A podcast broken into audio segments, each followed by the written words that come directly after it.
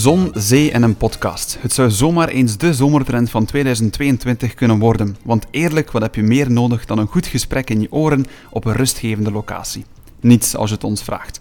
Of als je ons het onze luisteraars vraagt, ook niet. Want we zijn trots om aan te kondigen dat we momenteel met 46 episodes tot een mooi lijstje met nationale podcasts behoren. Maar we blijven bescheiden uit liefde voor het vak, het mooiste vak ter wereld. Niet waar, Steven? Zeker, Pieter-Jan. Vandaag verwelkomen Fanny en Justin en we gaan eens zondigen door meteen al het grootste raakvlak mee te geven tussen hen beiden. Sport, maar wel op andere niveaus.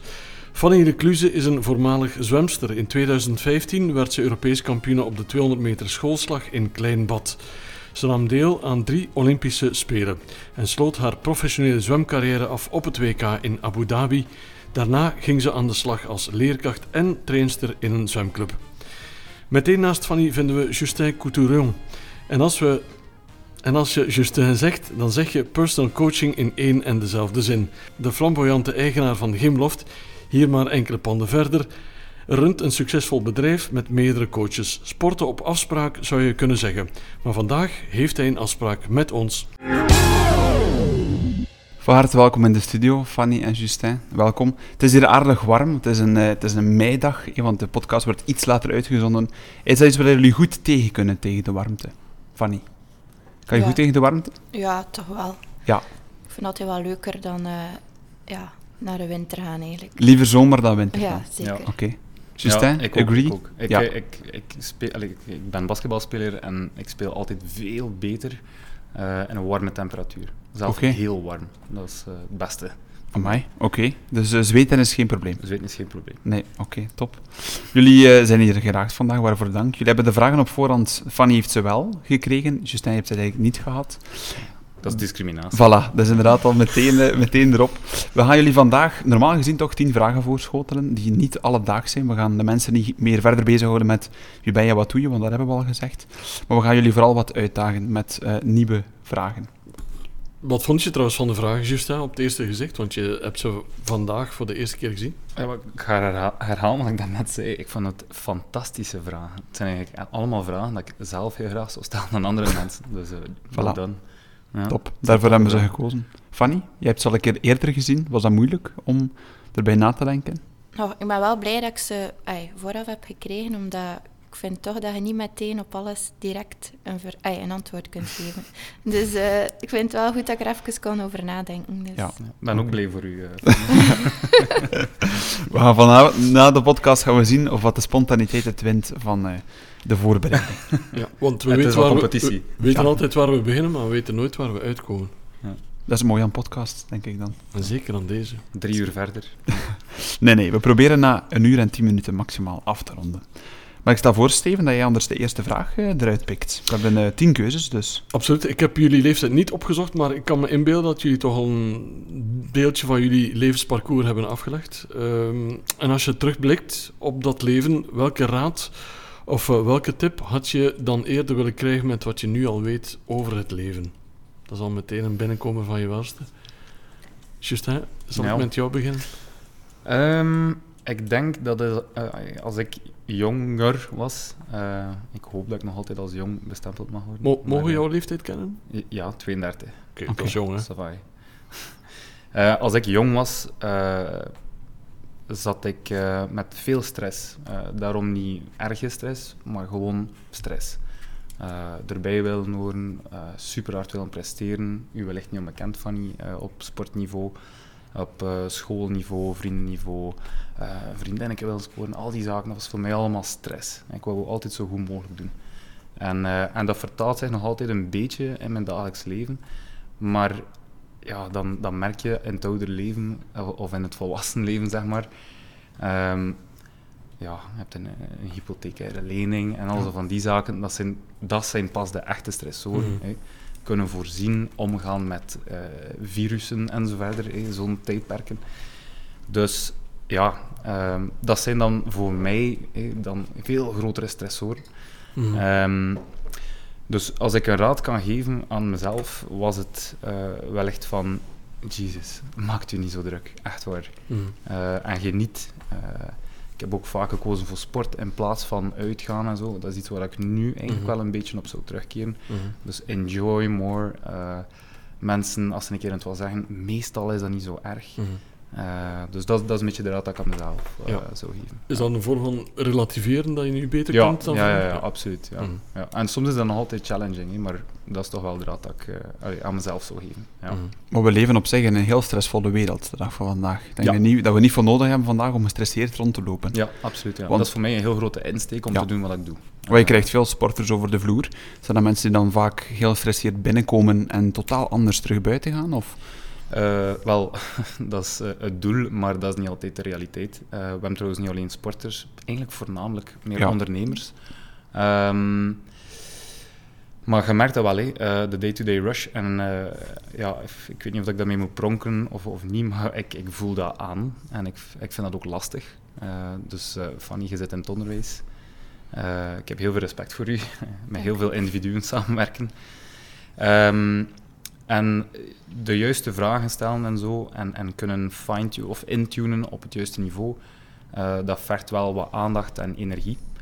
Ehm, maar je voelt dat, ja, om te antwoorden op je vraag, je voelt dat keihard. Ja. Eh, mensen die, eh die met wat zitten en die het eigenlijk zelf niet willen lossen, ik vind Ja. dat je het dan nog meer voelt.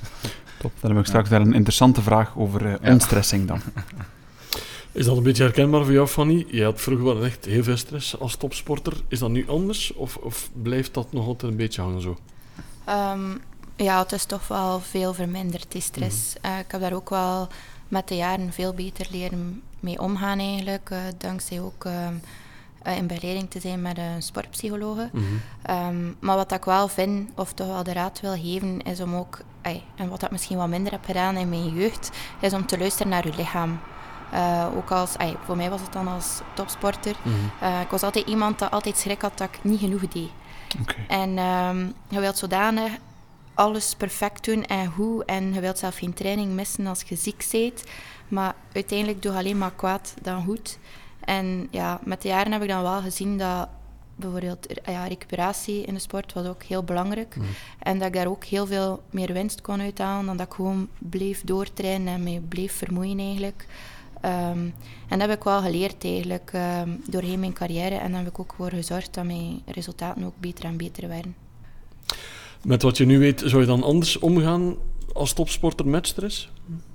Ja, toch wel. Ik heb ook ey, voor de Spelen, vijf maanden, wel, nee, vier maanden voor de Spelen, zat ik met een blessure aan mijn knie, waarbij dat mijn mediale band ging doorscheuren. En men zei van ja, je mocht nu een maand geen schoolslag meer zwemmen. Dus voor mij was dat echt ja, een ramp, omdat sowieso wist ik dat dat mijn laatste spelen ging zijn en ik wou daar optimaal presteren. En op dat moment was ik wel even aan het flippen, omdat er gaat van alles door je hoofd en je denkt zelf dat je de speel niet meer gaat halen en zo. En dan, dan heb ik echt wel geleerd om gewoon de situatie te accepteren, like dat ze is. Want je kunt niet anders, want als je blijft doortrainen, maakt het gewoon alleen maar erger. En dan heb ik gewoon geleerd van, kijk, accepteert hoe dat is. We gaan weer vanaf nul beginnen. En vanaf dat je weer schoolslag mocht zwemmen, bekijken we dag per dag. En ik heb dat dan ook allemaal bijgehouden in een agenda. Ehm, en ik noteerde ook iedere dag mijn tijd. Ik zou misschien, ik zeg maar iets, 30 seconden trager dan mij gewoon wat dat normaal gezien aankom op het eerste moment. Maar ik noteerde en ik zeg van oké, het is misschien nu zo traag, maar het is wat dat is en vandaag is het zo. En dan iedere dag noteer ik en iedere week maakte ik progressie. En ik noteerde die progressie en dat gaf mij op een duur zoveel zelfvertrouwen dat ik op een bepaald moment, ja, een maand na voor de Spelen zelf best op training zwom. Dat tijd dat ik nog nooit heb gehaald. En dat was gewoon omdat ik zo in die positieve flow zat en zo. En dat me heel veel zelfvertrouwen gaf. Amai, mooi. Want dat is op zich denk ik heel onderschat ook, positiviteit in topsport. Dat je je heel snel kunt naar beneden laten halen door kritiek, door eh, een keer een mindere training en zo verder. Het is toch ergens de, de, de kunst, denk ik, om, om constant vooruit te kijken en niet achteruit. En echt voor je doel te gaan. Ja, dat heb ik ook wel geleerd door mijn, ja, mijn voorgaande spelen. Die waren nooit niet zo goed eh, geweest. Eh, ook door veel stress, door de druk dat ik had van de media. Dat ik voelde van ja, ik moet hier presteren. Ehm, en daardoor dat ik ook eigenlijk gefaald had dan in Tokio en in Rio. Ehm, maar ik heb ook geleerd nu voor Tokio toe. Ik heb altijd gezegd van ja, kijk, ik wil genieten van ieder moment ernaartoe. Ja. Want het gaat zo snel voorbij zijn. Ik ga zo snel die reeksen of die halve of die finale gezongen hebben. En dan gaat ze van, ah ja, dat was het. Dat is het. En ik heb echt gezegd van, ook die dagen ervoor, die voorbereiding, geniet van iedere dag. En staat er met, ai, met heel veel hoesting en omdat je dat graag doet en niet omdat je iets moet. Je moet daar niet presteren op de speel. Je doet dat omdat je dat graag doet en omdat je je doel wil bereiken. En ja, dat heb ik wel geleerd de laatste jaren om gewoon veel meer te genieten. En ik denk dat dat er ook voor gezorgd heeft dat ik mijn droom heb waargemaakt, die finale. Mooi. Ja. Heel helder ook, vind ik. Ja. Dat je heel helder voor je hebt. Ik vind dat chapeau. Het is En dat veel mensen daar nog van kunnen leren. Vraag je- 5 weet- is... ehm, nee, dat is eigenlijk een mooie vertaalslag, omdat we het gehad hebben over stress. Ehm, ik zal beginnen bij Fanny. Wat is voor jou de beste manier om met stress om te gaan? En dan, mooi vertaald, hoe onthaast je de dag van vandaag? Ehm, ja, ik, als ik dan vergelijk met als ik wedstrijd had bijvoorbeeld, ehm, dan probeer ik gewoon ja, heel veel naar muziek te luisteren. Muziek dat mij happy maakt. Ja. Ehm, en op die manier probeer ik mij ook goed te voelen en zit ik meer in het positieve en Ja. minder in die negatieve gedachten. Ehm, en ja, dat klinkt misschien raar, maar als er soms negatieve gedachten opkomen, want dat, dat heeft te maken met stress, dan ja, probeer ik ook tegen mezelf te zeggen van, ay, dat was toen zeker zo, toen als ik zwom, van, ja, dat is niet waar. Die negatieve gedachten, dat, dat maakt u gewoon wijs. Ehm, uiteindelijk hebben we alles nog zelf in hand. En ja, als je altijd maar negatieve dingen inspreekt, dan gaat je prestatie ook negatief zijn. Dan ga je alleen maar meer en meer stress hebben. Klopt. Maar ik heb ook geleerd soms om te zeggen tegen mezelf van, Fanny, laat het los. En zij positief en luister naar muziek wat dat je happy maakt. En, ja. En was jij dan die typische topsporter die met een dikke hoofdtelefoon overal rondliep? ja, toch wel. Ja, toch. Want ik vraag me dan af, of we het hebben over stress, wat gaat er door u heen het moment dat ze op de Olympische Spelen gaan afluiten om te starten? Hoe kalmeer je jezelf op dat moment om je echt te focussen op enkel en alleen je prestaties? Ehm, ik moet zeggen, want eh, toen als ik naar de oproepkamer ging, luisterde ik de, zo naar ehm, muziek. eh, het is niet echt muziek, maar ehm, hoe noemt dat weer? Binaural sounds? Eh, nee, het is motivation. ehm, goh, het is echt iemand dat zo ja, positieve moed inspreekt. Ja. Zo. Het is zo in het Engels hoor. Ja. Ehm, maar echt zo stoer zo. Ja. Dus eh, dat, was wel, ay, dat is wel nice om in de oproepkamer gewoon gefocust te zijn op dat. En er wordt dan verteld van ja, je hebt er zoveel voor getraind, je hebt er alles voor gedaan en zo. Eh, en nu sta je hier eh, en geeft gewoon alles en geniet ervan. En ja, dat zijn zo allemaal positieve dingen dat je, ja, dat je laat beluisteren eigenlijk. Ehm, en dan, de keer dat ik dan opkom, moet ik zeggen, dan denk ik niet meer aan... Ik heb last gehad van mijn knie twee maanden geleden, of ik heb stress. Nee, dan, ja, dan ben ik gewoon gefocust op het aantal slagen dat ik moet vertrekken, mijn ritme. Ah ja, gewoon dat. Het is niet meer dat ik dan zit te denken, of dat ik zeg van, amai, het zit hier veel volk in tribunes. Nee, dus zo... Ja, dan ben ik gewoon eh, gefocust op mijn ding en dan heb ik wel alles losgelaten. En nadien, is er dan iets dat helemaal van je afvalt? Of hoe moeten we dat inbeelden? Want wij zijn gewoon stervelingen die dat nog nooit hebben meegemaakt, natuurlijk. Ja, er valt wel heel veel druk eh, ah, van u af. Eh, omdat, ja, ik weet nog, met mijn spelen, dat was iets heel raars. Ehm, vanaf dat ik toekwam in Tokio, ehm, begon ik precies zo... Had ik het gevoel dat het niet meer vooruit ging. Maar mijn trainer neemt altijd tijden op en mijn tijden waren wel heel snel. Maar mijn gevoel was heel slecht. En dan, ja, gelukkig dat mijn dan wel goed waren, dan probeer ik gewoon te zeggen van ja, je moet je niet focussen op je gevoel. Je gevoel bedriegt.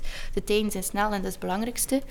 Eh, maar toch is dat frustrerend, omdat je weet hoe dat normaal gezien wel goed voelt.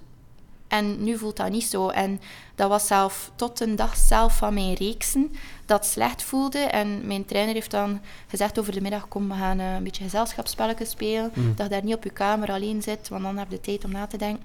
En we ons wat geamuseerd en zo. En dan eh, deed ik nog mijn inzwemprogramma voor mijn wedstrijd. En dat voelde nog altijd verschrikkelijk. Eh, ik voelde zelf verzuring, verzuring in mijn been. Terwijl ik had dat nog nooit gehad. Maar dat is gewoon, ja, niet dat ik dat wou, maar toch stress. En dat je eigenlijk ja, aan het verkrampen zit gewoon van de stress. En dan denk ik van, hoe... ik had zelf tranen in mijn ogen op een bepaald moment voor mij, in de voormiddag, want de reeksen waren s'avonds, dat ik dacht van, oh, ik ga het hier toch niet weer verpesten, dat het hier weer slecht gaat zijn en zo, want ja, dat was even echt stress. En dan ben ik gewoon naar de oproepkamer geweest met mijn koptelefoon, heb ik gewoon die knop kunnen omdraaien en zeg van, weet je, gewoon gaan en we zien wel. En ja, mijn gevoel was dan om een keer op die wedstrijd echt goed. En ik ging door naar de, naar de halve en dat ging alleen maar beter en beter. En voor mijn finale, dat was eigenlijk mijn beste opwarming. Ik voelde mij supergoed, gewoon omdat ja, al de stress was, was helemaal weg eigenlijk.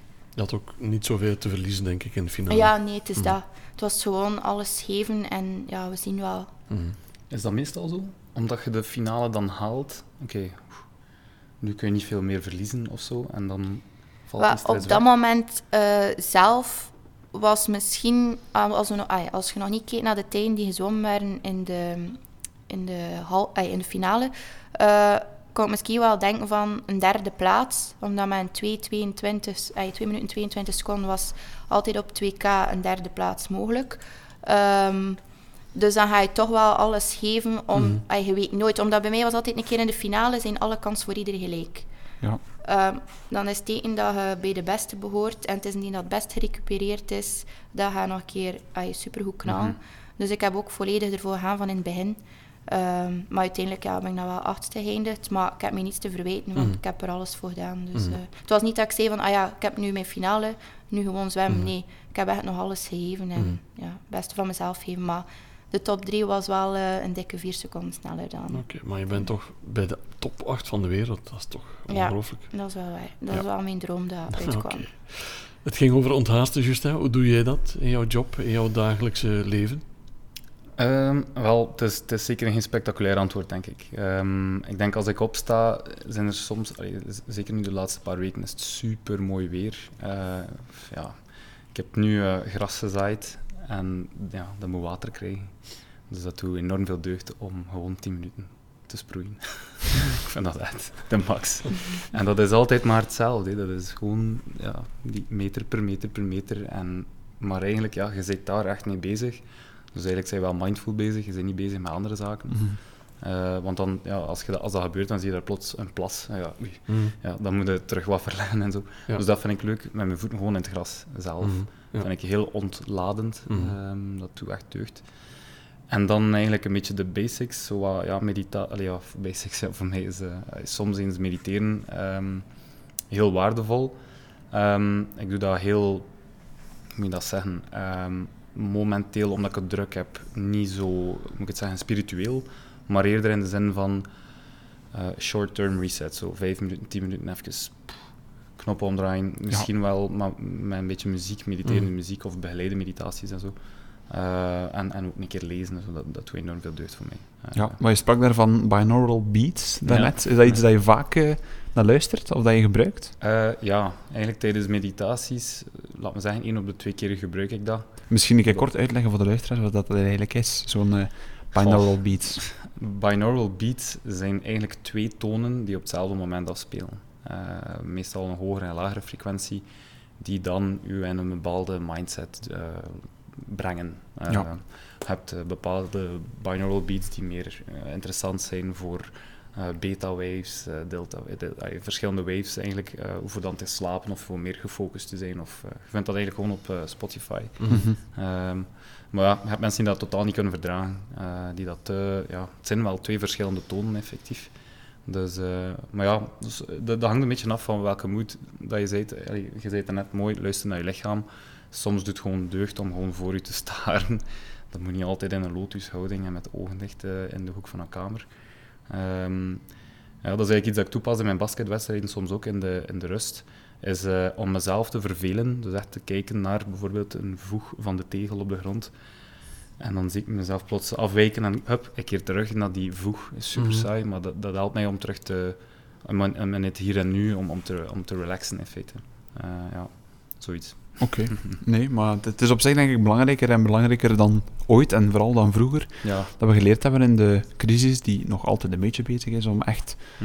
ook aan onszelf te denken en te onthaasten. Want eh, we werden er een beetje in geforceerd, maar ik denk dat we meer een keer moeten geforceerd worden in het leven om Ja. stil te staan bij alles. ik denk dat die eh, coronacrisis daar wel ergens zijn vruchten heeft afgeworpen. Onbedoeld, maar toch eh, ik denk dat er daar wel positieve zaken uit gekomen zijn. Mhm. Ja. Dat mensen echt wel eh, ja, zoeken naar zichzelf. Wat Mhm. willen ze? Hoe voelen ze zich? Ja. Eh, dat leidt ook tot mensen die meer angstig zijn geworden, Mhm. omdat ze geconfronteerd worden met de realiteit en, en hun gedachten. Eh, maar ik denk wel dat we, dat we daar de goede richting aan het uitgaan zijn. Mensen Ja. zijn enorm op zoek en dat vertaalt zich ook op de arbeidsmarkt. Ja. Ja. Fanny, heb jij de indruk dat de coronacrisis jou voor een stukje veranderd heeft?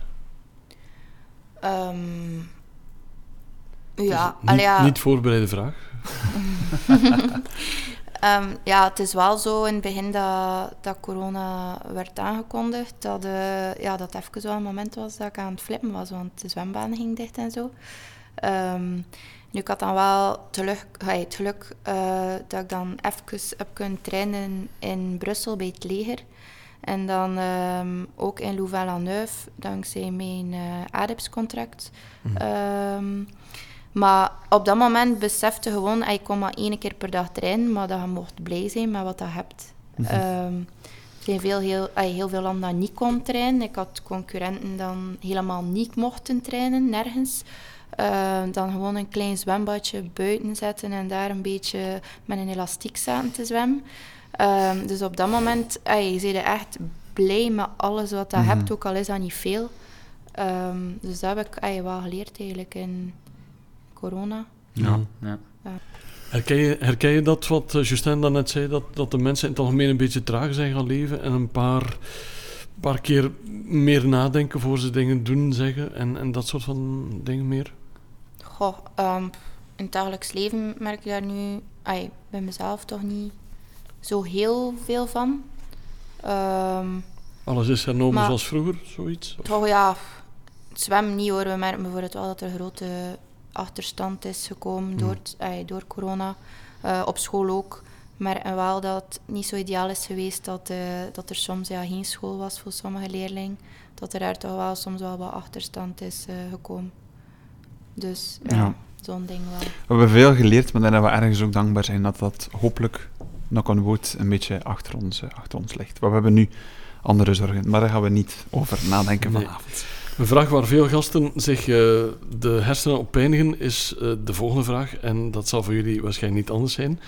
Want het is de vraag, op welke vraag zou je graag wel eens een antwoord willen krijgen? We zitten allemaal met heel veel vragen in ons leven. En sommige worden doorheen het leven beantwoord en sommige ook niet. Maar zijn er dingen die jullie bezighouden? Waarop je heel graag ooit eens een antwoord wil, Justin? Ja, ik had gehoopt dat ik niet als eerste moest antwoorden. helaas, helaas. helaas. Maar ik zal het moeten doen. Ehm, nee, eigenlijk um, ja, een, een, vraag dat ik mij heel veel stel, die mij eigenlijk pas sinds ja, toch de laatste twee jaren, uh, of die, die dan pas in mij is opgekomen. Um, ja, zelfzorg, ja, het, is weer, het, gaat, het gaat weer over zelfzorg, sorry gast. Uh, maar zo dat dat zoeken achter hoe zorg ik voor mezelf, dat komt zodanig naar boven nu in de maatschappij. Hè. Ehm, hoe komt dat dat wij dat niet geleerd hebben als wij op school zaten? Want daar leren we bij. En als we uiteindelijk niet gezond zijn, of niet kunnen genieten van het leven, of aan 50 jaar vasthangen aan medische protocollen en zo verder, mhm. check-ups en zo verder. Ja, sorry, maar je hebt dan alles geleerd, je hebt dan gewerkt voor wat. Dus eigenlijk is het met een onderwijs um, die, die u van alles van theorie geeft. Mm. Dus dat, is, dat is ergens wel interessant voor ja, uw brein uh, te trainen en, en zaken bij te leren, voor, voor dan ook nog verder te gaan studeren. Maar dan zie je één uur LO, oké, en, en acht uur continu zitten. Uh, men weet enorm veel nu over uh, de gevolgen van zitten. Uh, en we weten nu ook dat mensen enorm op zoek zijn. Is dit niet de, de, de beste mogelijke kans die we ooit gaan krijgen? Uh, opnieuw, knock on wood. Maar uh, ja, om, om dit te gaan in, ja, integreren, letterlijk in het onderwijs. Mm Want ja, wat een kost is dat dat we zouden kunnen besparen als we onze jonge gasten, hey, hoe zeggen ze dat, jong leert, mm -hmm. als we ze een beetje kunnen gaan duwen in de juiste richting. Mm -hmm. Want moeilijk gedrag veranderen uh, sorry, uh, foutief aangeleerd gedrag veranderen is veel moeilijker mm -hmm. dan, dan ja, een groen blaadje gewoon mm. iets aanleren. Ik bedoel, mm. dat, dit, is de, dit is een vraag dat ik mij enorm stel. Ik frustreer ja. me er niet rond, zelf al kom ik zo over. Maar ja, dat is zo'n gemiste kans. Ik ja. hoop dat er daar verandering in komt. En stel dat jij ooit minister van Onderwijs wordt, want Fanny en ik zelf staan allebei in het onderwijs. Bezig. We zijn ermee bezig. Wat zou je dan veranderen concreet? Ja, concreet, letterlijk. Um, in de vakken biologie, in de vakken LO, in de vakken uh, al die zaken specifieke lifestyle tips gaan introduceren. Mm. Dat, zo moeilijk is het niet. Uh, maar misschien uh, mis ik iets. Hè. Fanny ging iets aanvullen, denk ik. Ja, ik kan misschien zeggen, moest je later kinderen hebben of zo, dat je altijd kunt naar Athena Pottelberg komen, want daar bieden ze superveel sport aan. Ah, ja, en dan kun je ook specialisatie sport kiezen. Um, ja. Waarbij dan, want we zijn net met 15 leerlingen, uh, 15 leerlingen, 15 leerkrachten die echt specifiek uh, goed zijn in een bepaald ehm, ja, een bepaalde sport. Ja. Ehm, en wij geven dan die ey, specialisatielessen. Dus dat is wel... ey, Maar ik dat is, denk- dat, is, dat is dus super interessant, hè, want Mhm. eh, dat, dat is hetgeen wat ik bedoel. Nu, dat gaat dan nu al een beetje de andere richting uit. Sportschool dan? Ja, wij proberen wel meer naar een sportschool te gaan, maar ah, je hebt ook eh, hebt sportwetenschappen, waarbij je dan ook dan stem hebt en zo. Ja. Ehm, bijvoorbeeld, ik denk in de derde graad, als ik me niet vergis, hebben ze ehm 12 uur, eh, nee, 7 uur sport. Maar bijvoorbeeld als je dan ja, echt sport, sport kiest, hè, zo, dan hebben ze zelfs 16 uur sport. Ja. Dus, eh, Maar ik ben, ik ben grote fan van sport, maar ik geloof ook dat, dat de mens 100% energetisch is. En dan gaat er energie naar hoe heb je geslapen, hoe ga je om met mensen, hoe zit, eh, zit ik weet niet veel neer, ja of nee.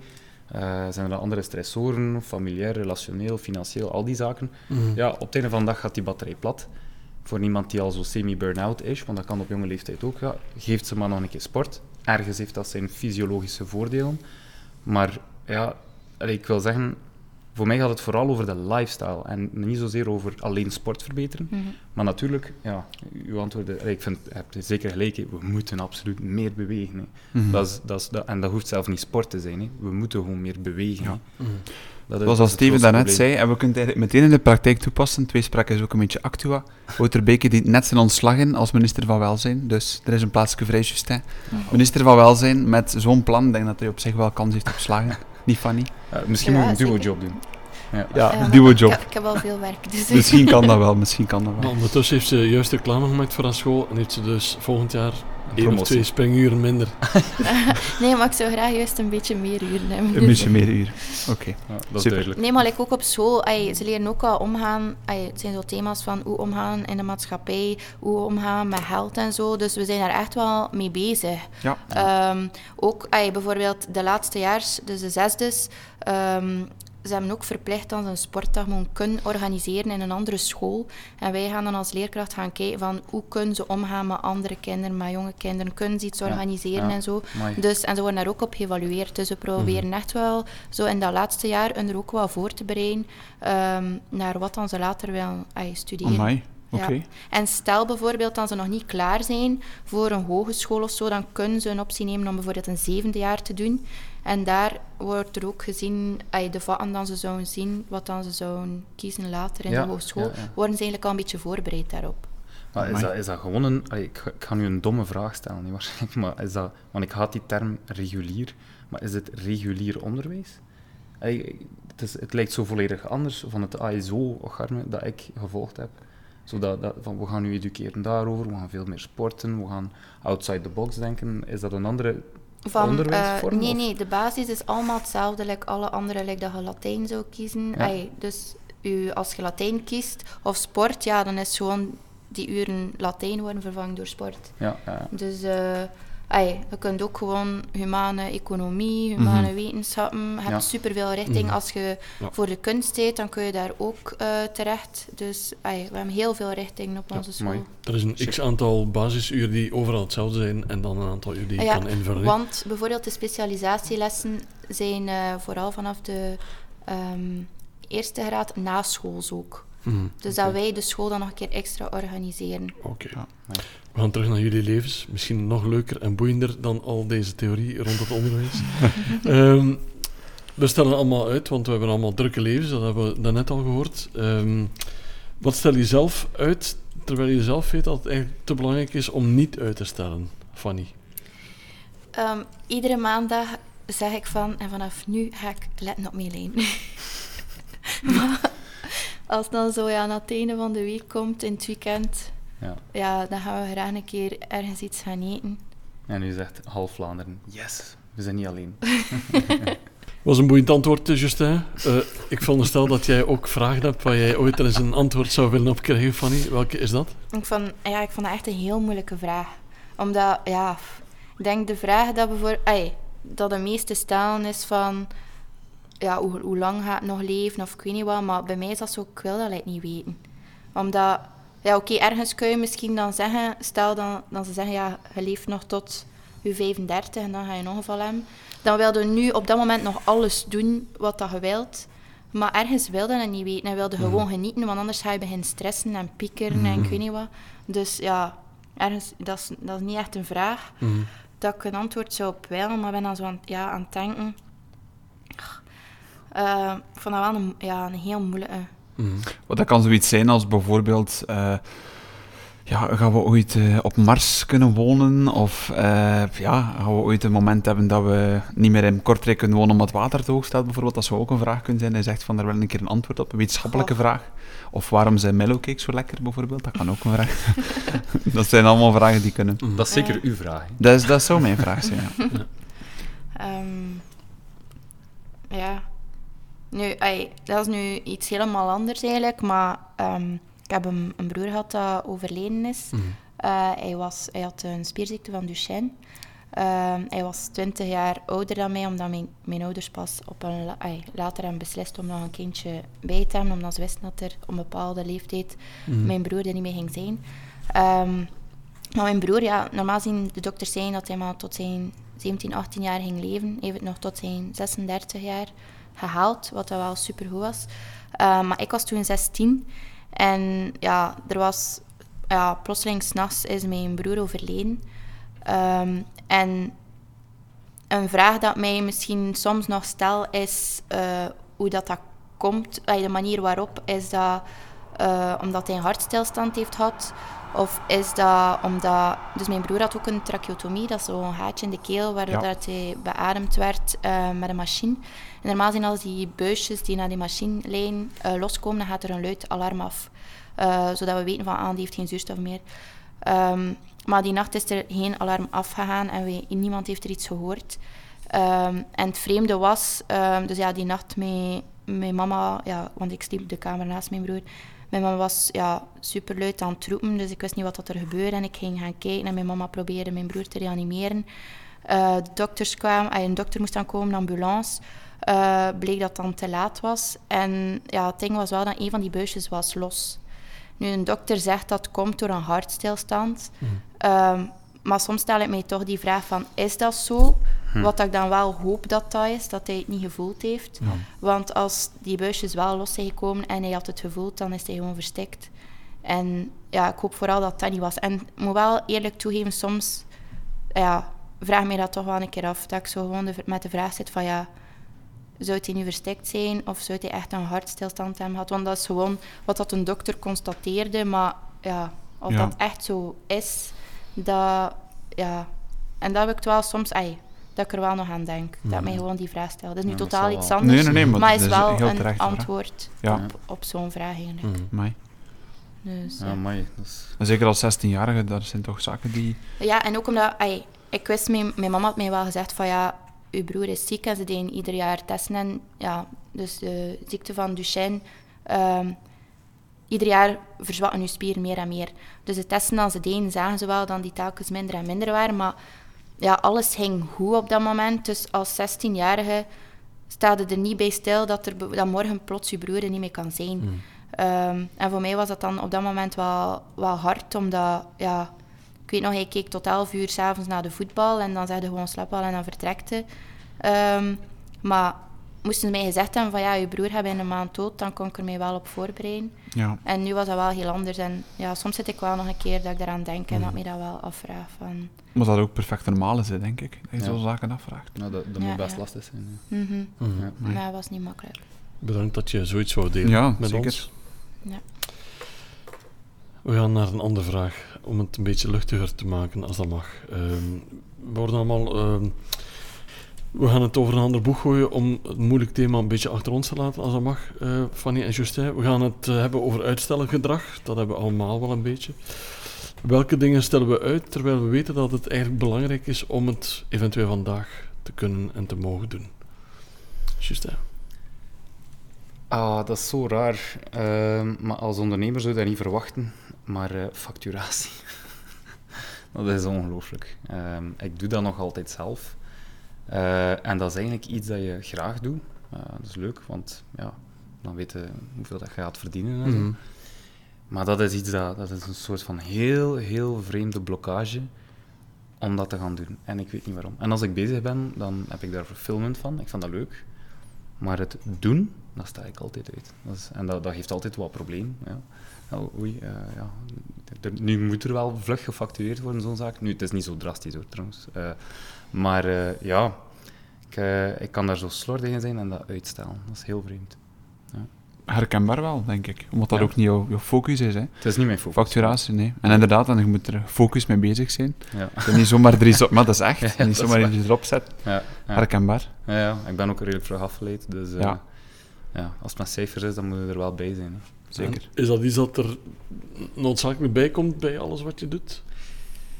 Wel, ja, het is, eh, als, je met, als je met personeel zit, of eh, in mijn geval met trainers, eh, Mhm. ja, dan moet er geld in het laadje komen. Hè. Anders, kunt je, anders kunnen die mannen niet betalen. Dus ja, dat is, dat is wel echt een element in mijn job. Ehm, als dat uw vraag was. Mhm. ja. ja, nee, dat is iets, dat, dat is ook gewoon super belangrijk. Ja. Mhm. De cashflow is. Maar ja, dat is iets vreemd en dat, is, dat, dat lukt. Hè. Dus Mhm. we hebben geen problemen of zo. Jezus, wat zit ik hier eigenlijk te zeggen op die podcast? maar ja, dat is iets dat ik uitstel. En, en dat, is, eh, dat is stom. Dat is geen enkele reden. En ik heb Mhm. daar geen antwoord op. En hoe pak je dat dan aan? Want mensen luisteren soms en dan zeggen ze: Ja, ik kan wel iets leren uit de verhalen die mensen vertellen. Hoe pak jij dat uitstelgedrag? Dus wat heb ik al aan? gedaan? Eh, ja, gewoon een vast element in de agenda. Zoals iedereen dan Plannen. doet. Voilà, business moment, woensdag voormiddag. Dat Mhm. staat er eigenlijk nog altijd in. Dat heeft geen impact meer. Dus ik zie dat en ik, eh, ik doe daar niks mee. Eh, het gebeurt wel, maar die agenda, misschien is dat herkenbaar voor veel mensen, iets dat zodanig herhalend is, wordt Ja. op een duur zo wat... pff, Ja, ik zal het dan later doen. Of eh, die, die agendapunt, ja, in in het begin is dat zo, wauw, ja, business moment. Oeh, yes, we gaan bezig zijn met de business.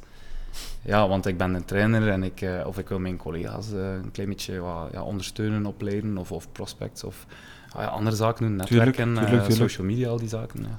Ehm, ik ben eigenlijk een heel creatief, dus da- daar verlies ik mijn ei. Dat, dat, is echt mijn, Ja. dat is echt mijn shit. Ja, we kunnen bezig zijn met wat grafisch ontwerp, eh, ik doe dat, ik weet niet graag. Ehm, ja, verhalen maken eh, of, of verhalen neerschrijven op LinkedIn en zo van die zaken. Mhm, ja. dat, dat doe ik super graag. Mhm. Maar dan feitelijk bezig zijn met bepaalde zaken, dat is gewoon... eh, ja, als je zo'n persoonlijkheidstest zou doen, dan, dan zou dat zeer duidelijk zijn, denk ik. Fanny, je hebt een leven gekend van veel discipline vroeger, denk ik. Eh, is dat nu anders, ook op vlak van discipline en uitstellen? Of blijf je die lijn van vroeger een beetje vasthouden en zeg je, ik pak de dingen aan zoals ze op mijn weg komen? Ehm, eigenlijk alleen qua voeding. Ehm voordien deed ik alles gewoon om ja, mijn doel te bereiken, om daar te staan, om scherp te staan op de spelen en zo. En nu weet ik dat ik, ja, als ik gewoon zin heb om te cheaten, om iets te eten, dat ik Mhm. graag eet, dan doe ik dat gewoon. Ehm, maar ja, toch, je ziet wel dat je lichaam wel wat verandert in vergelijking met als je dan atleet bent. En je wilt eigenlijk wel nog altijd er goed uitzien. Dus ja, ik probeer wel op te letten en te zijn van Mhm. één keer in de week of in het weekend dan gewoon ja, cheat meal. Ehm, maar Wat is een is- cheat meal voor jou? Nu ben ik wel benieuwd. Wat is voor je Oh. favoriet cheat Mellow meal? cakes. Wat is je favoriet cheat meal?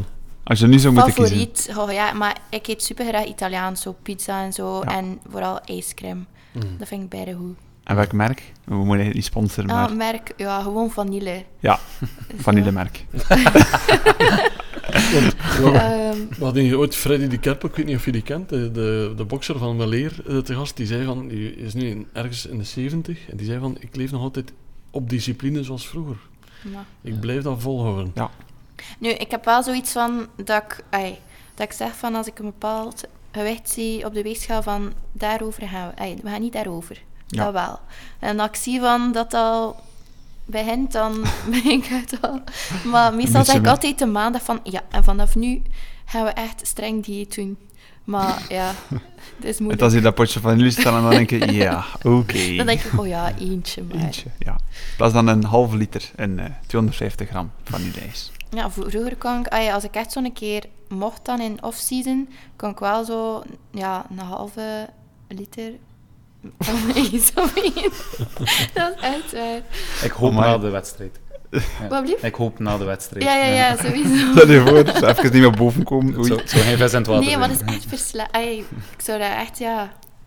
Ja, ik, ik liet dat Amai, gewoon zien. we leren bij, dames en heren. Vanilleijs en Fanny. Een great Ik match. vind het wel interessant wat je zei van, eh, van Freddy. Mhm. Ik, ik vraag me altijd af hoe dat, dat komt. Want ik, ik versta dat mensen discipline hebben. Hè, discipline of, of guidelines, of dat ze zeggen van we gaan daarmee doordoen. Mhm. Ehm, maar waarom? Hè, we- zoals Freddy, ja, dan denk ik, ik zie hoe dat hij is in de media, dat is zo over the top. Hè. Dat is echt Mhm. super, eh allee, hoe moet je dat zeggen, eh hyper-energiek, militair eigenlijk bijna. Eh, en dan denk ik, ja, is, is dat niet een soort van houvast om jouw verleden niet achter te laten? Ik vind dat, ja, ik- dat vraag ik mij zo echt af. Uit zo mensen die hyper gedisciplineerd Mhm. blijven. En dan, voor de, pff, laten we zeggen, 98%, 99% van de bevolking is dit absoluut niet haalbaar. Ja. Zelf met de beste bedoelingen. Hoe komt dat dat die mensen dat, dat aanhouden? Pas op, dat kan ook een goede Mhm. eh, intentie zijn. Hè? Maar ik vind, ah, ik vind het wel Mhm. interessant hoe, dat, hoe dat je zo gedisciplineerd dan zo Ja. kunt blijven. Is dat dan een, schreeuw om, om het verleden eh, levend te houden? Misschien is dat... Ik had de indruk dat het een beetje zelftrots was. Ja, ja, dat hij dat kon zeggen van, ik doe dat nog altijd, Mhm. zelf op vakantie ook. Gaat hij echt nog gaan lopen, omdat hij Amai. weet, ik heb elke Ja. dag die discipline, ik mag, dat niet, ik mag daar niet van afwijken. Ja. Dat vraag ik me inderdaad ook Ja, af, voor wie of voor wat. Ja, Ja. ik En denk waarom zelf, zelf eh, zelfbeeld een beetje, en zo die. Ja. verantwoording naar zichzelf toe. Mhm. Ja, maar dat is ook niet slecht. Hè. Nee, nee, nee, zeker niet. Want ik wil onmiddellijk tekenen om er op mijn 75, eh, 75ste zo uit te zien. ja, ja, dat kan zeker. Ik kan dat wel begrijpen. Ja. Maar ik heb je eigenlijk onderbroken, Fanny, want ik heb gevraagd naar je cheatmail, maar je waren nog bezig met iets te vertellen. Ja, maar ik ging nu gewoon zeggen van, dat je nu niet ziet. Als je nog s'morgens of zelfs s'avonds baantjes zwemmen. Mhm. Ah, ik weet niet, dat boeit mij echt niet. Ik heb dat allemaal gedaan met een doel. Omdat ik ja, die finale wil halen. Of dat ik ja, derde zou zijn op 2K. Of dat ik Europees kampioen wil zijn. Ehm, maar nu gewoon baantjes zwemmen. Ay, waarom? Allee, ja, snap je? Ja. Ja, ja. Dat, Ja. ja. dat boeit mij echt niet. En ik snap heel goed waarom dan bijvoorbeeld mijn leerlingen op school zoiets hebben. Ja, mevrouw, zwem, zo saai en dat gaat niet vooruit. Ay, ik snap dat wel, want als je helemaal niet zwemt, dan is dat ook saai. Maar ja, ik heb zoiets van... Ik heb mijn beste gevoel Achtergelaten, ja. ook in december op mijn WK. En als ik nu zou zwemmen, voelt dat gewoon ook super slecht. Dus dat, vind, dat is ook niet zo leuk om dan op die manier te zwemmen. Dus v- veel zwemmers dat wel hebben. Hè. Frederik de Burggraven heeft een beetje hetzelfde verhaal als jij, denk ik. Ja. Die is en Pieter zelden nog nooit Timmers. nog naar een zwembad gegaan. Ja, zoals, eh, Pieter Timmers ook ja. en zo. Dus je Fanny gewoon constant in de wildwaterbaan in Lago zegt van, ik zwem geen maandjes meer, gewoon hè. andere dingen doen. Nee, maar wel denk En ik zou wel zo. Ja. nog een keer iets voortonen. Dat zou ik wel ja, ja. Zo, top. Ja, ook met de leerlingen vinden we wel leuk als, als een keer iets visueel zien, dan dat je het Ja. gewoon zegt. Ja. Het is ook een mooi zwembad hier in Kortrijk, denk ik, om Ja. te zwemmen. Inderdaad. Met een hele speciale bodem die verandert van hoogte. Ja. Omgekeerd zou het voor de leerlingen natuurlijk ook wel speciaal zijn om van een Olympische kampioen les te krijgen. Weten zij wat jij vroeger gedaan hebt, bijvoorbeeld? ja, ondertussen weet iedereen het wel. Ook omdat ja, op een bepaald moment is ehm ja, Sporza, denk ik. Ja, Sporza. Ah, ja. eh, zelf op school gekomen. Dus dan kwamen er wel heel wat vragen. Ay, sommigen kenden mij wel al, maar anderen was toch van ja, waarom is het tv hier? En dan zei ze ja, maar mevrouw is bekend. Mijn vrouw is bekend. Dus, ja, maar nu, ay, nu wordt er daar niet meer over gevraagd. En ik ben ook niemand dat daar zelf over gaat babbelen. Als ze vragen hem, dan ga ik daar wel over, ay, eerlijk over antwoorden. Ja. Maar eh, het is niet dat ik, dat ik zo ga zeggen van ja, maar je moet luisteren, want ik ben... een- ay, dat helemaal niet. Ja, ik Ben praat ik daar wel bekend, hè? Ja, inderdaad. Nee. Nee, nee. Daar praat ik zelf helemaal niet over. oké. Dus, eh, We gaan doorspoelen naar een andere vraag. Naar, nog, eigenlijk een van mijn favorietjes, ik heb er veel. Ehm dat is de eerste vraag. Welke kleine gelukjes maak je intens blij? Juist, hè. Welke kleine gelukjes, hoe klein dan ook, maak je intens blij? Ehm, echt waar, gewoon een glimlach. Ehm, dat straalt zo over bij mij als iemand lacht naar mij, lijkt oprecht. Hè. Mhm. Eh, dan, dan ben ik, eh, dat, dat helpt mij direct. En gelijk welke ja, state of mind dat ik ben op dat moment, als iemand lacht eh, van geluk, eh, niet Ja. zozeer van eh, hallo, maar ja, zo. Zo'n awkward... Zo'n awkward... Ja, nee, nee, een gemeende lach. Ja, nee, gewoon echt een, een lach. Ja, da- daarom heb ik zoveel aan mijn trainers. Niet dat ik zo ongelukkig ben, maar ja, dat zijn zo echt zo energieke, toffe, ja, optimistische gasten. Ehm, ik denk dat dat trouwens ook een beetje de sterkte is van Gymloft, als ik dan toch een beetje promo mag doen.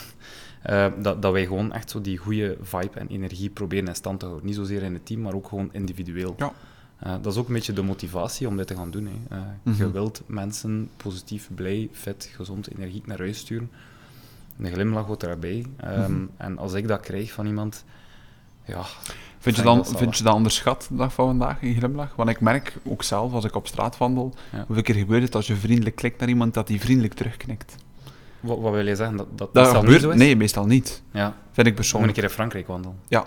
Dat is ongelooflijk, dat Ja, dat is waar. Eén grens verder. En, Ja. en die mensen in een dorpje... Of in de Ardennen. Je hebt In in, de de Ardennen, ja. gewerkt. Daar, die mensen zijn toch een beetje hartelijker dan bij ons, mogen dat zijn? Ja. Ehm, oh ja, wat dan mij vooral opviel is dat iedereen vooral direct een kus wil geven. Ja, mevrouw is bekend. Hè. Mevrouw, nee, nee, maar gewoon om hallo te zeggen. Like bij ons, we zeggen soms gewoon hallo, hey. Of, Mhm. Ja, of een hand geven of zo. ja, direct is een eentje. Een vuistje. Ja, en Ja. in Frankrijk zijn het er twee zoen, dat weet ik wel. Dat is soms ook moeilijk. Dus, eh, Nee, maar daar volg ik u in. Dus inderdaad, in België hebben we nog veel te leren op dat vlak. Ja, ja, we zijn niet zo gastvrij. Nee. Eh, allee, of gastvrij, hoe moet ik dat zeggen? Dat is misschien ja, dat is het beste woord zeker. Mhm. Ehm, Beetje cool. maar ik denk, en, ik, ik denk, wat interesseert mij aan een glimlach, is dat hoe, hoe ver ga je om jezelf bloot te geven? Ja. Want eigenlijk, als je daarbij nadenkt, je gezicht verandert, Tuurlijk. eh, Je gebed. toont je tanden, ja, je gebed. Ehm, ga je ineenkrimpen, sta je recht. Eh, dat is eigenlijk een vorm van vertrouwen. Hè? Mhm. Eh, als je Ja. lacht, bedoel, dat is toch iets unieks. Hè? Zeker. Veel mensen gaan zo wat, Ja, ja, met, ja, met de hand voor de mond of Absoluut. een beetje wegkijken. Ja. En als iemand lacht, één, dat is altijd leuk, denk ik. Maar dat is ook een, een affirmatie van, wij zijn oké. Ja, En dat kan. inderdaad. Eh, dus- En als ze lacht. Dat is ook eh, een ander liedje die belangrijk is. Fanny, we gaan eens luisteren naar jou. We weten al dat een halve liter ijs jou blij kan maken, maar zijn er nog andere kleine gelukjes? Ehm, ja, ook gewoon een complimentje krijgen. Zo. Ehm, like ook, ja, ik ben pas begonnen als leerkracht en als trainer ehm, in januari. En gewoon ja, even zo de bevestiging krijgen dat het goed doet. Ehm, ja, dat, dat doet wel deugd zo. En dat geeft ook vertrouwen dat je goed bezig bent en zo. Ehm, ook tijdens het lesgeven. Hè. Ik heb op een bepaald moment eh, even moeilijk gehad eh, met een klas dat zo niet wou meewerken. En nu gaat dat like, beter en beter en merk ik dat ze de tips dat ik geef, dat ze het appreciëren en zo. En gewoon dat moment zelf al maakt mij blij dat die les geslaagd was. Dat, ja, Ja. ik voel mij daar echt dan goed bij. Ehm, ik stuur dan ook dan een berichtje aan mijn vriend om te zeggen van ja, de les was echt supergoed vandaag met die klas. Dus ey, ik was echt, Ja. ik ben er echt blij om. Dat dat, ja. Omdat anders, ja, je wilt alleen maar dat die, dan die gasten bijleren en dan ze het Mhm. leuk vinden om naar school te gaan en zo. Ehm, dat vooral. En als je dan ja, Ja, een les zal- hebt dat zo niet goed verloopt, dan zit je dan te twijfelen aan jezelf Mhm. en te denken van ja, Ja. Ja. heb ik nu slecht les gegeven, wat kan beter en zo. Zo wel een beetje Ja. zelfreflectie doen. En durf je dan zeggen, ik ervaar arbeidsvreugde, of is dat een te zwaar woord al? Uh, wow, ik vind dat wel redelijk zwaar misschien.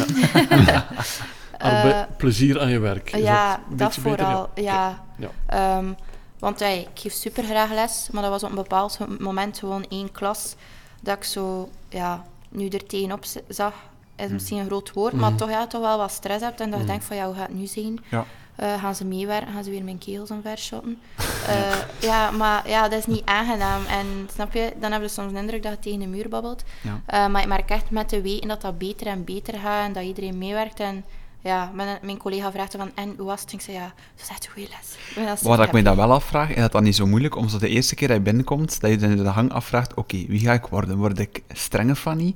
Niet zo strenge Fanny? Toffe Fanny? Dat je zo binnenkomt, want ja, misschien kan Steven daarover meespreken, maar de eerste indruk bij de leerlingen is toch ergens zo van, hoe meet ik mij met mevrouw en mag ik veel, mag ik niet veel, gaat dat kunnen of niet? Had je daar al stress voor? Ehm, dat viel mee. Ik heb wel van, van in het begin zo dat ik zei van ja, het moet direct streng zijn.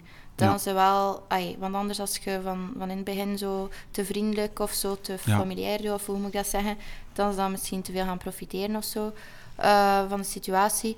Eh, dus heb ik wel geprobeerd om direct streng te zijn en gewoon ja, eh, ga je de regels niet naleven, dan krijg je een nota net like bij een andere leerkracht. Mhm. Dus, eh, Ja.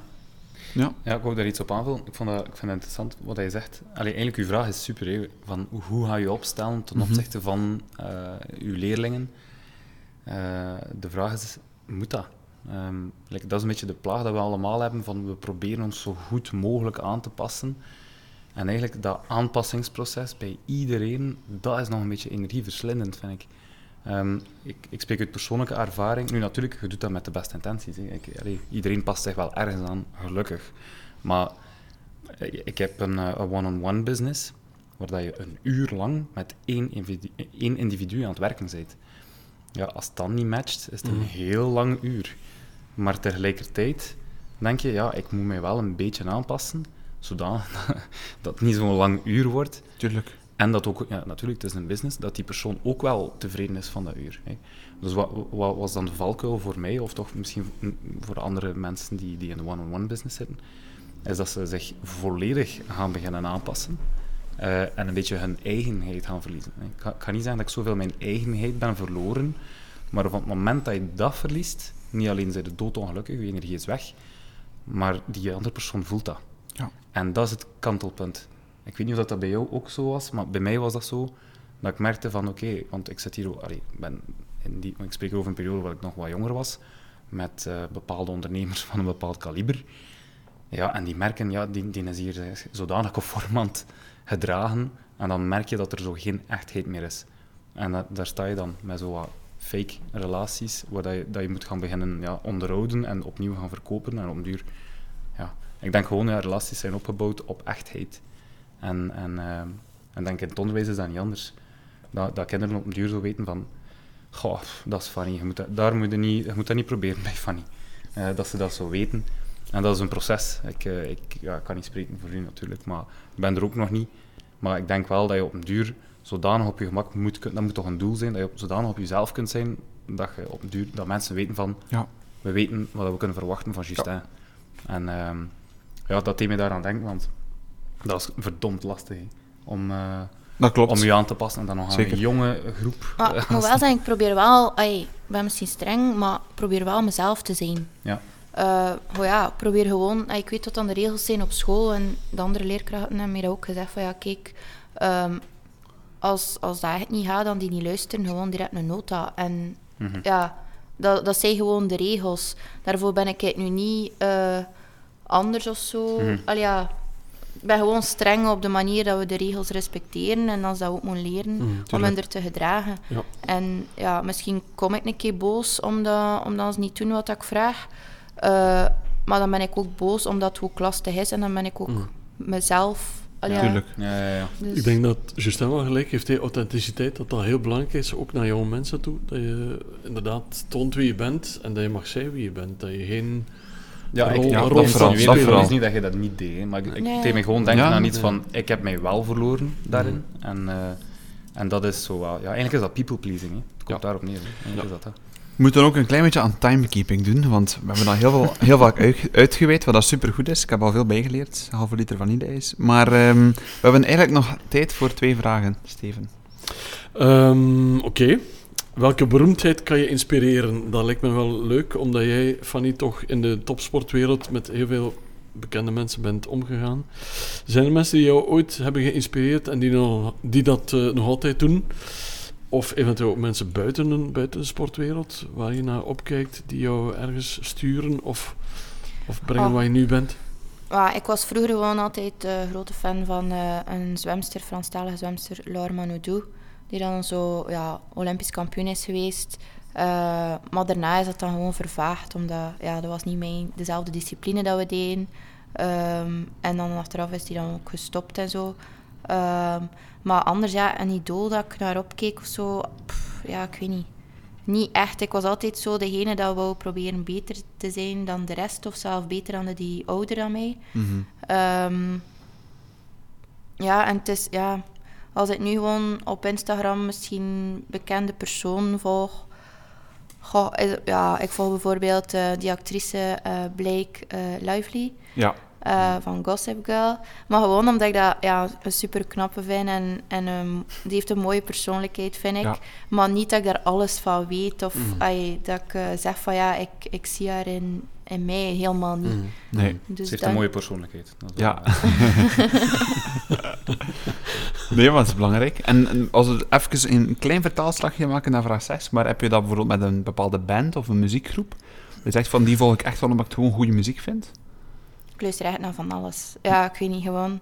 Niet, ja. Het is niet dat ik zo heb van, ja, naar de die zou ik een keer echt willen gaan luisteren. Ja. niet bepaald. Een bepaald genre?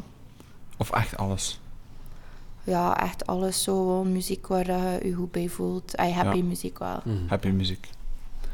Oké. Justin, zijn er beroemdheden waar jij naar opkijkt die jou ergens geïnspireerd hebben in de Ah. business of daar, daarbuiten? Ja, ik, ik denk dat ik de clichés kan opnoemen. Een Michael Jordan, een Kobe Bryant. eh, puur naar werkethiek, naar Mhm. klasse, naar, Ja. eh, naar stijl. Maar eh, vooral die werkethiek, hè, zeker bij Kobe Bryant. Ik weet niet of dat je daar eh, zo wat kennis rond hebt, maar dat is gewoon... Maniacaal. Maar ja, eigenlijk is dat echt maniacaal. Mhm. Dat is, je kunt dat niet anders verwoorden. eh, hoe dat hij die energie en die drive gevonden heeft, dat is eigenlijk iets dat niemand kan verklaren, zelf Kobe Bryant niet. En, en zeker nu niet. Maar, ehm, dus dat vind ik sowieso een heel inspirerende persoon, eigenlijk, wat jij deed, Fanny. Zo wat luisteren om jezelf te motiveren en zo. Dat, dat, Kobe Bryant zit daar vaak bij, zo. Eh, zo voor een wedstrijd of voor... eh, eh, ik speel zelf niet op zo'n hoog niveau, hè, maar ik vind het gewoon leuk om dat een keer te doen soms. En dan misschien, ja, ik denk qua inspiratie, ja, misschien lachen, maar zo Tony Robbins, ja, ultra-Amerikaans. Ja. Maar, ehm, eh, we spraken daarnet over echtheid. Tony Robbins is Ja. as real as can be. Hè. Dus die is gewoon zo.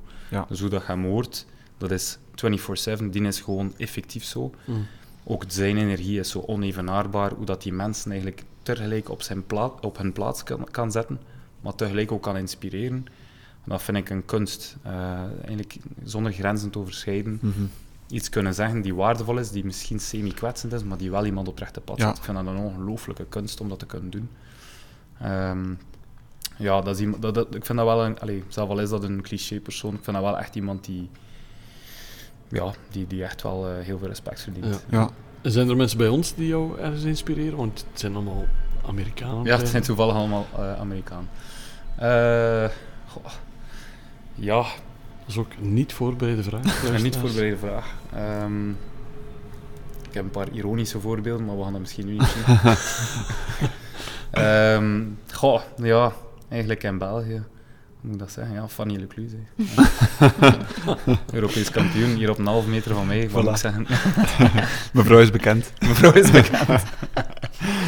Nee, maar het is zo. Ja, dat is echt serieus. Dat is eigenlijk Ja. een eer om hier te zitten. Voilà. Ja, echt wel. Pieter-Jan, jij krijgt de eer om de laatste vraag van vanavond uit te kiezen uit het lijstje. Moeilijk, moeilijk, moeilijk. Ehm, Wel, dan gaan we toch voor de laatste vraag, voor de vraag 10. Welke trekjes laat je niet snel aan anderen zien? Dus wat is er zo'n trekje dat je zelf hebt, dat je zegt van, goh, eigenlijk niet veel mensen weten dat, of niet veel mensen weten dat ik dat doe, of ik wil dat niet laten zien aan iemand, of ik laat dat niet graag zien. En hij wil dat juist horen op de podcast. Yes, met veel plezier. Justin, heb Ja. je zo'n bepaald trekje dat je zegt van, eigenlijk weten dat niet veel mensen dat ik dat doe, of dat ik dat heb? Zeggen, dat was nu echt wel de enige vraag waar ik geen antwoord op heb, maar ik zal nog een keer nadenken. Ehm, een trekje dat, ja... Heb jij al een bepaald trekje van je? We gaan daar even Ja. Go, Geen Fanny, probleem? go, Yes. go. Ehm gaat mij echt bijna nooit echt zien wenen bij mensen erbij. Zo. Als ik echt ween, dan is het zo als ik alleen ben. Of het zou dan echt moeten zijn dat het echt op, op, op is. Ehm, maar zo, ja, in publiek ga ik niet, niet heel snel wenen. Ehm, Hm. Ja, dus Oh. ja, ik weet niet hoe dat... dat ja, het is niet dat ik zo zeg van... Ja, ik weet niet of dat... Ja, ik vraag me af of dat, dat komt omdat als ik klein was... ehm, en er was iets, ja, ik weet niet, gewoon iets niet goed verlopen thuis of ik weet niet wat. Dan zijn mijn ouders altijd wel van, je kunt zien dat je nu niet weent als je naar de training gaat. Je doet tranen weg dat er niemand heeft gezien dat je weent. dus dat was wel altijd zo als ik klein was. En ik weet niet of dat, dat daardoor is dat ik dan, ja, ik weet niet, maar ja, je ziet mij heel zelden wenen in publiek eigenlijk. Ook niet bij films? Bijvoorbeeld? Een goede film? Als ik alleen, ja, als ik alleen ben misschien, maar ik, ja, ik weet niet. Ik ga dat niet veel of vaak doen in publiek. Zo. Of het zou dan echt wel iets ergs moeten zijn. Ja. Hmm. Want een van de vragen die we geskipt hebben, om een modern woord te gebruiken, is wie of wat kan jou ontroeren? Die hebben we helaas moeten overlaten, maar je mag hem heel snel beantwoorden als je... Ehm, ja, de- wat dat mij wel soms kan ontroeren is bijvoorbeeld als ik dan eh beelden terugzie van, van mijn broer en ik of Mhm. zo. Ja. Zo die momenten, dat, zij, Mhm. ai, dat ontroert mij dan wel soms wel. Eh, maar ook, ja, het is niet als ik nu naar een foto zou kijken dat ik hier, ja, dat, nu zou traan, dat er tranen in mijn ogen zouden schieten nu. Ja. Maar misschien als ik dan alleen ben, omdat ik dan meer dieper zit te denken Mhm. en meer tijd heb om echt alleen te denken, dat ik dan misschien wel een traantje zou laten. Dat kan wel. Mhm. Mooi. Ja, ik zal moeten antwoorden. hè. Ja, zo kan niet anders, juist. hè. Heb je al een trekje gevonden? Ja, het is niet echt een trekje, het is meer een karaktereigenschap, denk ik. En het is omdat je het zei van, van dat huilen of ween. Ehm, het is niet hetzelfde, maar het is eigenlijk als, als mensen ehm, iets heel duidelijk willen maken dat ze, ja, hoe moet je dat zeggen, dat ze echt niet akkoord zijn of dat er, ja, laat me gewoon zeggen, een conflict of zoiets. Mhm. Ehm, dat raakt mij. Ehm, het interesseert mij mateloos. Dus ik vind dat eigenlijk wel leuk om in conflict of gesprek te gaan met iemand, totdat we dan tot een oplossing komen. Maar op dat moment, dat zo echt zo, zo dat typisch moment when the shit hits the fan, zo de, oh, dat is hier echt tegen mij. Ja, dan, dan ga ik echt met een heel, heel hoge hartslag. Ja. Dat reguleert zichzelf wel, maar op dat moment, ja, dan denk ik, shit, eh, zoek de controle, probeer eh, de situatie te herstellen, eh, want allee, dat mag niet, dat is echt niet oké. Terwijl dat Mhm. eigenlijk, het zijn maar gevoelens, het zijn maar uitingen, die hebben ook hun verhaal, waar dat hij niks mee te maken heeft. Mhm. Ehm, achteraf is het allemaal gemakkelijk, om Mhm. dat te zeggen, maar eh, in de heat of the moment is dat wel... Is dat voor mij wel een echt een impact. Want ja. mensen zeggen dan, dan moet je echt op je tong bijten. Hè?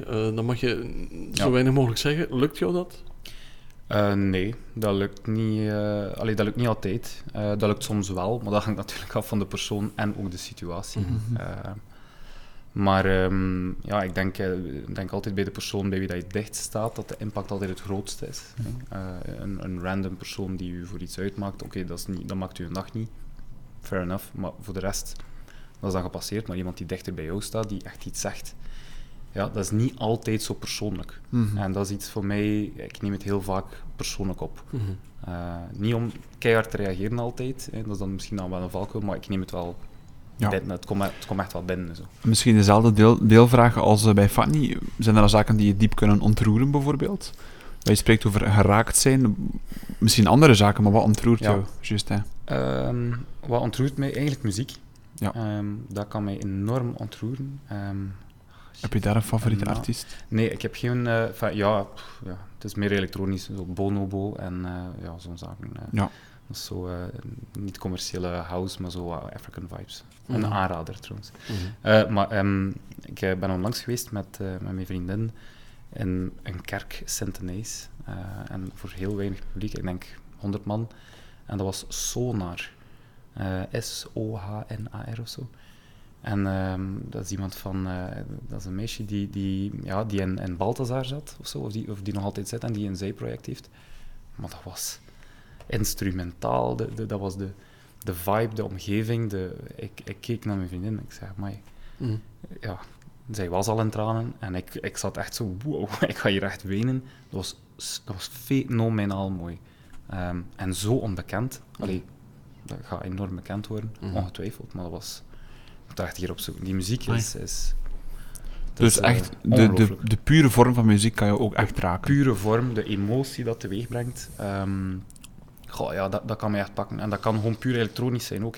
Ja. Ehm, ik, eh, ja, ja dat, dat, kan mij enorm, eh, dat kan mij enorm raken. Ja, Ja. effectief. Oké, en dan zijn we met het, eh, dit raakvlak ook aan het einde gekomen van, eh, van deze podcast. Een woordspeling. Voilà, dat doen we af en toe wel een keer. Ehm, het einde van tweespraak van deze episode toch, episode 46.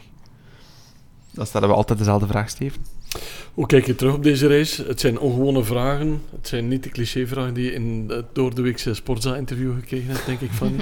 Hoe was dat voor jou eigenlijk, om, om jezelf ook bloot te geven, kwetsbaar op te stellen? Ja, het zijn, ah, ik denk wel veel ehm, antwoorden dat ik nu heb gegeven dan veel mensen, ah, een kantje dat misschien veel mensen nog niet allemaal weten van mij. Ehm, dus ja, het was wel leuk dat het een keer totaal iets anders is dan, Mhm. dan de vragen dat ik normaal gezien krijg. Dank daarvoor trouwens, voor de Absoluut. transparantie en Ja. eerlijkheid. Met plezier. Juist, hè. oké, kijk je terug op, op deze podcast? Ik ga, ik dit ga was- gewoon aanvullen op, op wat dat Fanny zegt, allee, of, of wat ik ook zelf gezegd heb, die echtheid. Ehm, dat zijn net die zaken dat we bespreekbaar moeten maken. Dat je eigenlijk niet wil bespreekbaar maken, of waar dat er een grote nood aan is om bespreekbaar te maken. En dat, dat vind ik echt super waardevol aan een podcast. Als die dingen naar boven komen, dan, dan resoneert dat met Ja. mijn... allee, Ik kan niet spreken voor iedereen, maar wel voor mij. Ja. En ehm, ja, die vragen die je stelt, al zijn ze soms heel ludiek of eh, onbeantwoordbaar. ja, het komen wel leuke dingen naar boven. En, Ja. eh, laat me zeggen, een deel van de zelfontwikkeling. Ik vind dat Ja. heel leuk. Eh, Voilà. ja, Dat is de bedoeling. En we zijn erin geslaagd, denk ik. Pieter-Jan, dankjewel daarvoor. Zeker. Steven ook bedankt. En ook aan onze gasten, Fanny en Justin, bedankt. Succes morgen in Namibië. In Namibië Ja. eh, Justin. Spannend, mooi land. Maar je ging toch Ik minister hoor dat van, iedereen. minister van Welzijn worden? Ja, het is juist. We moeten nog bijna naar Wouter. Eh, als hij nog niet weg is, kun je misschien nog rijden naar Brussel. Nee, nee, dat is totaal, totaal anders. Voilà. Het gaat jullie goed, Justin. Fanny, dankjewel. En tot tweespraak. Tot tweespraak. Dank u wel. Ciao.